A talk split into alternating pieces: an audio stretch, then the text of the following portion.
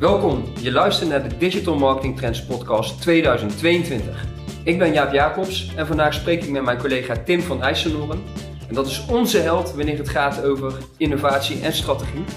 En ons onderwerp van vandaag is macro-trends.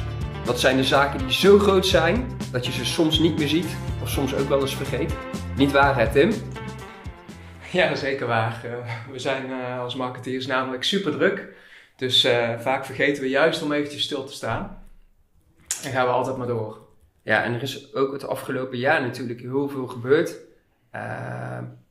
TikTok-ontwikkelingen, shopstreaming, AR, VR, ga zo maar door. Ehm, maar we gaan het hebben over wat we volgend jaar verwachten in 2022. Jij kan ons daar alles over vertellen. En dat gaan we ook even afpellen, die ontwikkelingen. Je hebt eigenlijk drie hele belangrijke trends voor ons. Ja, ja dat klopt. Uh, de eerste is eigenlijk marketing operations. En dat houdt eigenlijk in dat uh, je als marketeer beweeg je sowieso al heel erg steeds, meer op het snijvlak van marketing en technologie. En je moet heel veel ballen in de lucht houden. Wat je, wat je al zegt, er komen steeds meer nieuwe kanalen bij. Uh, overal moet je wel wat mee, of je wil het op zijn minst uitproberen of het werkt voor jou. En uh, dat maakt eigenlijk dat het des te belangrijker wordt om heel goed je focus en prioriteiten te bepalen. En ook heel slim te kijken naar je marketingoperatie. Uh, hoe jij bepaalde processen, bepaalde taken, hoe je die bijvoorbeeld kan automatiseren. Of hoe, jij daar, hoe je die kan stroomlijnen door daar een, een goed proces voor op te tuigen. Zodat je dat bijvoorbeeld weer makkelijk kan delegeren aan een collega of zelfs iemand in het buitenland. Want ook die taalbarrières bijvoorbeeld, ja, die, die zijn eigenlijk uh, steeds meer weggevallen. Omdat je vrij makkelijk ook uh, gewoon internationaal werk kan uitzetten en dat gewoon weer kan vertalen. En in, in Amerika wordt het ook wel eens afgekort, marketing ops. Ja, toch? Klopt, ja. Klinkt bijna als een soort van militaire regime. ja, ja weet je wel, ja. ja. Ja, dat heeft daar misschien ook wel raakvlakken mee, omdat het, uh, ja, hè, daar zijn ze natuurlijk ook super, super erg met die operatie bezig. Alles moet gewoon kloppen, alles moet, moet lopen.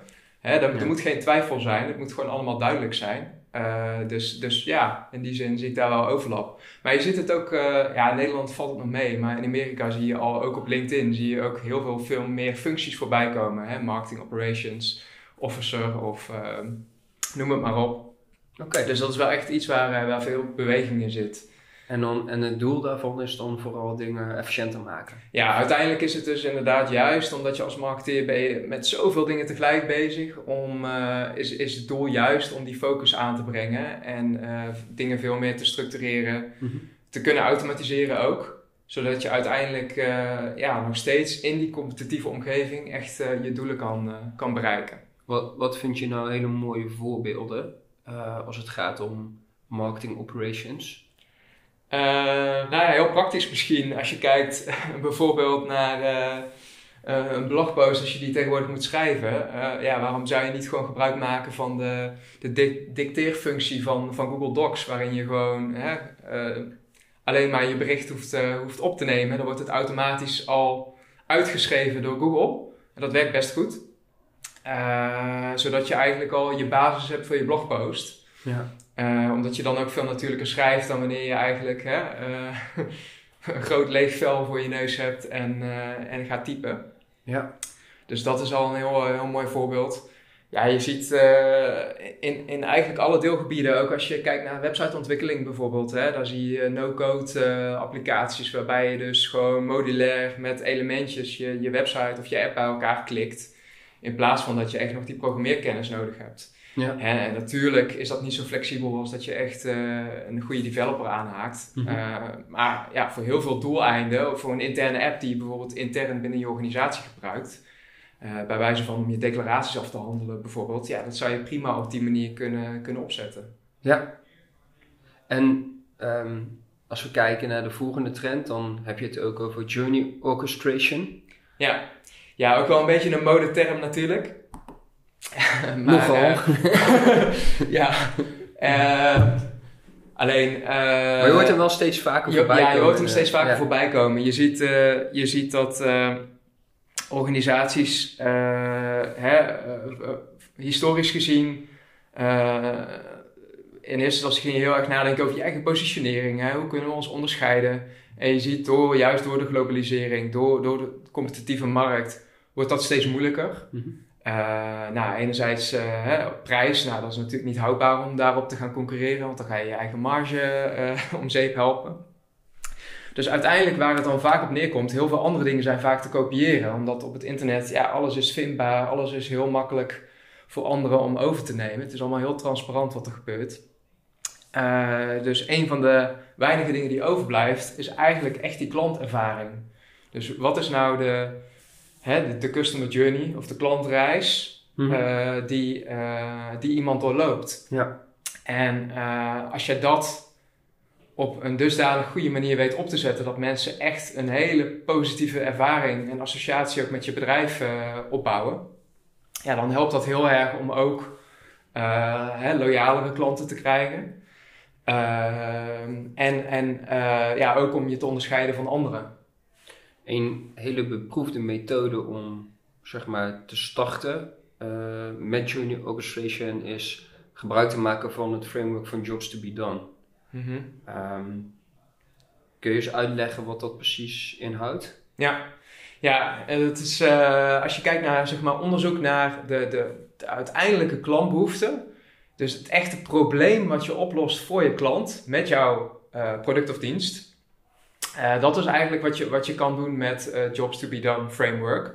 En een job wordt dus eigenlijk gedefinieerd als dat probleem, die taak. Dus iemand, en vaak gaat die. het is vaak heel moeilijk voor, om, om, je voor te stellen wat die taak is. Hè? Als marketeer denk je heel erg snel vanuit je eigen product of dienst van oké. Ik, eh, nou, ik bied online marketing aan, dus iemand heeft behoefte aan meer verkeer naar zijn website, hogere conversieratio. Ja. Maar misschien gaat er wel een hele andere behoefte aan vooraf. Ja. En dat is eigenlijk hetgeen wat je, wat je wil nagaan. En de, de enige manier waarop je dat eigenlijk kan nagaan is om echt ja, één op één rechtstreeks met die eindklant in contact te Ja. gaan. Hele goede vragen te stellen. Ehm, en, en, en dan na te gaan waar nou uiteindelijk hun echte uitdaging zit. Waar, waar, wat is nou eigenlijk... eh, wat zijn de bottlenecks waar ze, Ja.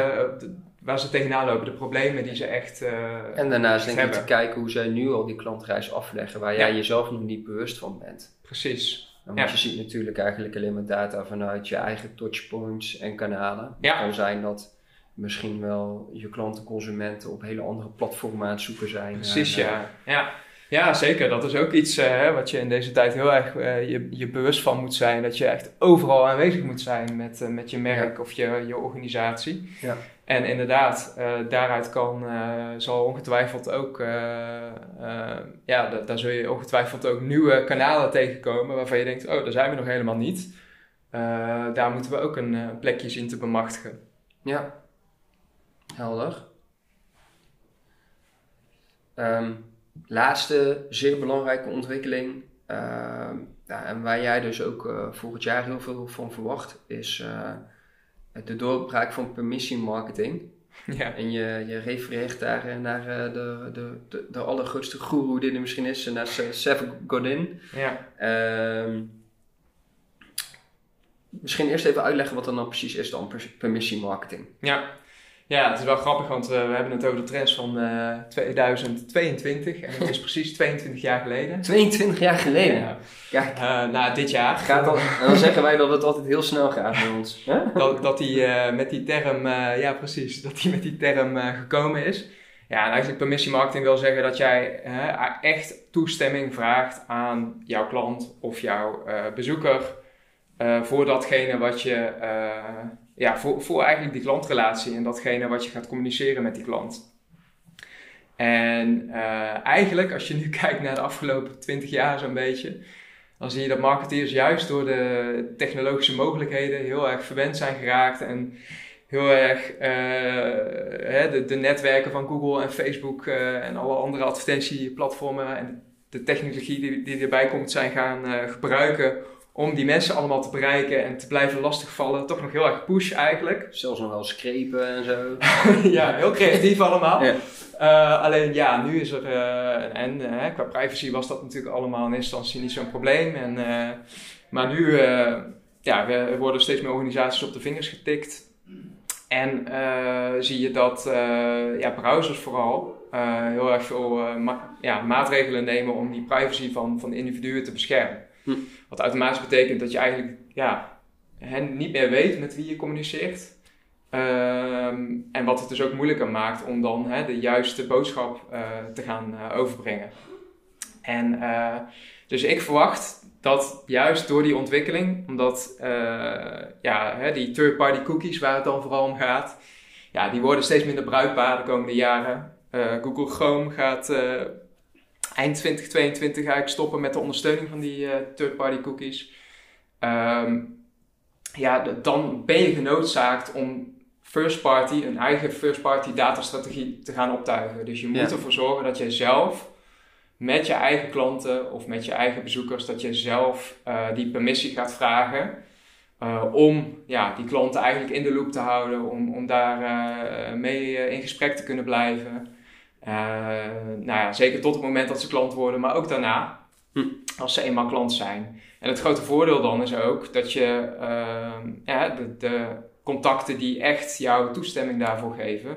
Die hoef je ook niet meer opnieuw dan via, via uh, betaalde kanalen uh, binnen te halen. Dan kun je gewoon via goedkopere kanalen als e-mail, sms, telefoontjes, ja, inderdaad. Uh, chat misschien, kun, je, kun je met die groepen contact houden. Dat, dat is zeer positief. Um, maar wat, wat, krijgen we dan straks nog meer cookie bars en ehm, opt-in formulieren. Uh, ja, het nadeel is natuurlijk hè, dat, dat in eerste instantie werd het soort van centraal beheerd. Hè, en gaf je uh, in principe in eerste instantie mocht je eigenlijk alles doen. Dus er was er niet echt controle op. En nu uh, daarna zag je alle cookie meldingen overal verschijnen. Nou, dat was eigenlijk ook nog per site dat je toe, toestemming gaf.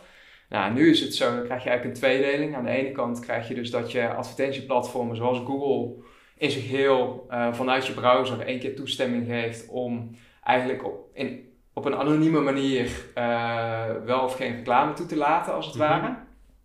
Ehm, maar aan de andere kant zullen organisaties jou, net als dat je nu met de, de, ja, de cookie-meldingen op websites ziet, zullen organisaties jou ook gaan vragen, inderdaad, maar mag ik toestemming als organisatie om jou direct te benaderen? Uh, dus ja, het, uh, als, als consument is het uh, uiteindelijk allemaal niet zo ideaal misschien. Aan de andere kant moet je je dan ook gaan afvragen van ja, moet je ook kritisch zijn als organisatie. Kijk, omdat het allemaal kon en iedereen kon je op die manier bereiken. Uh, ja, vroegen organisaties zich ook niet af van is deze bezoeker daadwerkelijk wel relevant voor mij? Nee, klopt. Hè, want ja, 90 of 95 procent van je, van je bezoekers die verlaat je website en die komt nooit meer terug. Nee. Uh, ja, weet je, die groep, als je die niet kan bereiken, ja, hoe erg is dat dan? Misschien wil je die juist wel uitsluiten voortaan. Ja, je had ook uh, niks te verliezen, hè? Dus, ja. ja. Je, je, ben, je, je, kan niet voor iedereen relevant zijn, dus de kunst is ook, en dat is ook iets wat, wat Seth Godin in zijn boek van destijds al aangaf. Ja, ga op zoek naar je tribe, hè? naar je, je, je groepje van potentiële echte fans. Dus los, ja, los dat probleem op voor dat, ja, dat segment van uh, ja, van klanten die een bepaalde uitdaging delen met z'n allen. En als je dat beter kan doen dan je concurrentie en heel relevant kan zijn voor die ene groep, ja, dan heb je ook gewoon een hele trouwe uh, fanbase of tribe, zoals hij dat dan noemt, waar je op kan bouwen.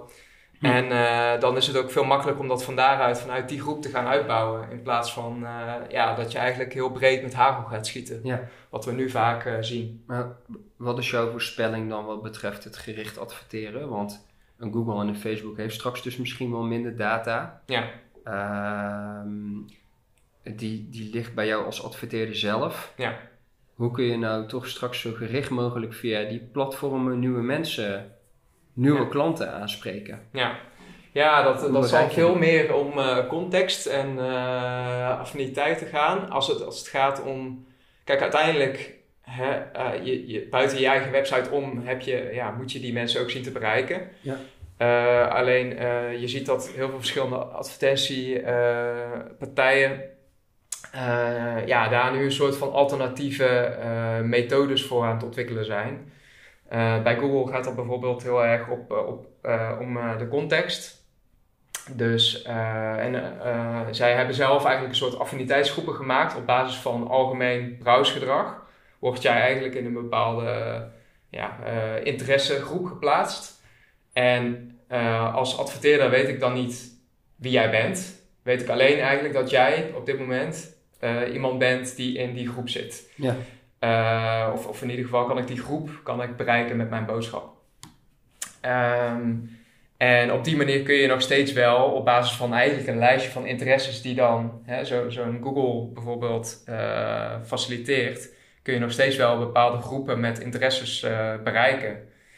Uh, alleen ben je dan wel, ja, je bent wel overgeleverd aan, aan de interessegroepen die, ja, die Google je aanbiedt. Je kan niet. Wat dat betreft zijn we een beetje terug bij af. Ja, eigenlijk ga je wat dat betreft wel iets meer terug in de tijd. Ik weet goed, in 2007, Facebook kon je eigenlijk ook alleen maar op interesses dat was al echt helemaal fantastisch natuurlijk. Ja, ja, ja en heel die mix natuurlijk van alles bij elkaar, dat, ja, dat wordt wel lastiger. Je zal, uh, en je kan, ehm, wat je wel kan doen, en dat kan ook dan eh, privacyvriendelijk, is bijvoorbeeld als je klanten marketingtoestemming hebben gegeven, kun je wel ehm, vragen, of eigenlijk die, die klantgroep kun je mhm.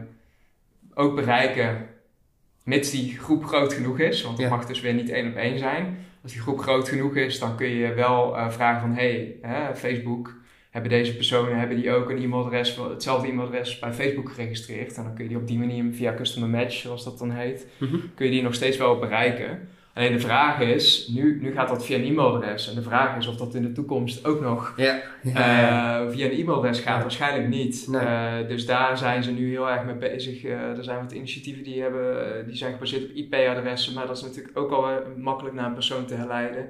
Dus daar wordt nu, ja, daar vinden nog heel veel ontwikkelingen plaats om te kijken hoe je dat dan toch op een anonieme manier kan doen. Hm. Um, dus ja, het wordt, uh, Eigenlijk, er ook weer niet eh, makkelijker op. Nee, inderdaad. Mijn resume is dus, denk nou over een first-party cookie strategie. Ja.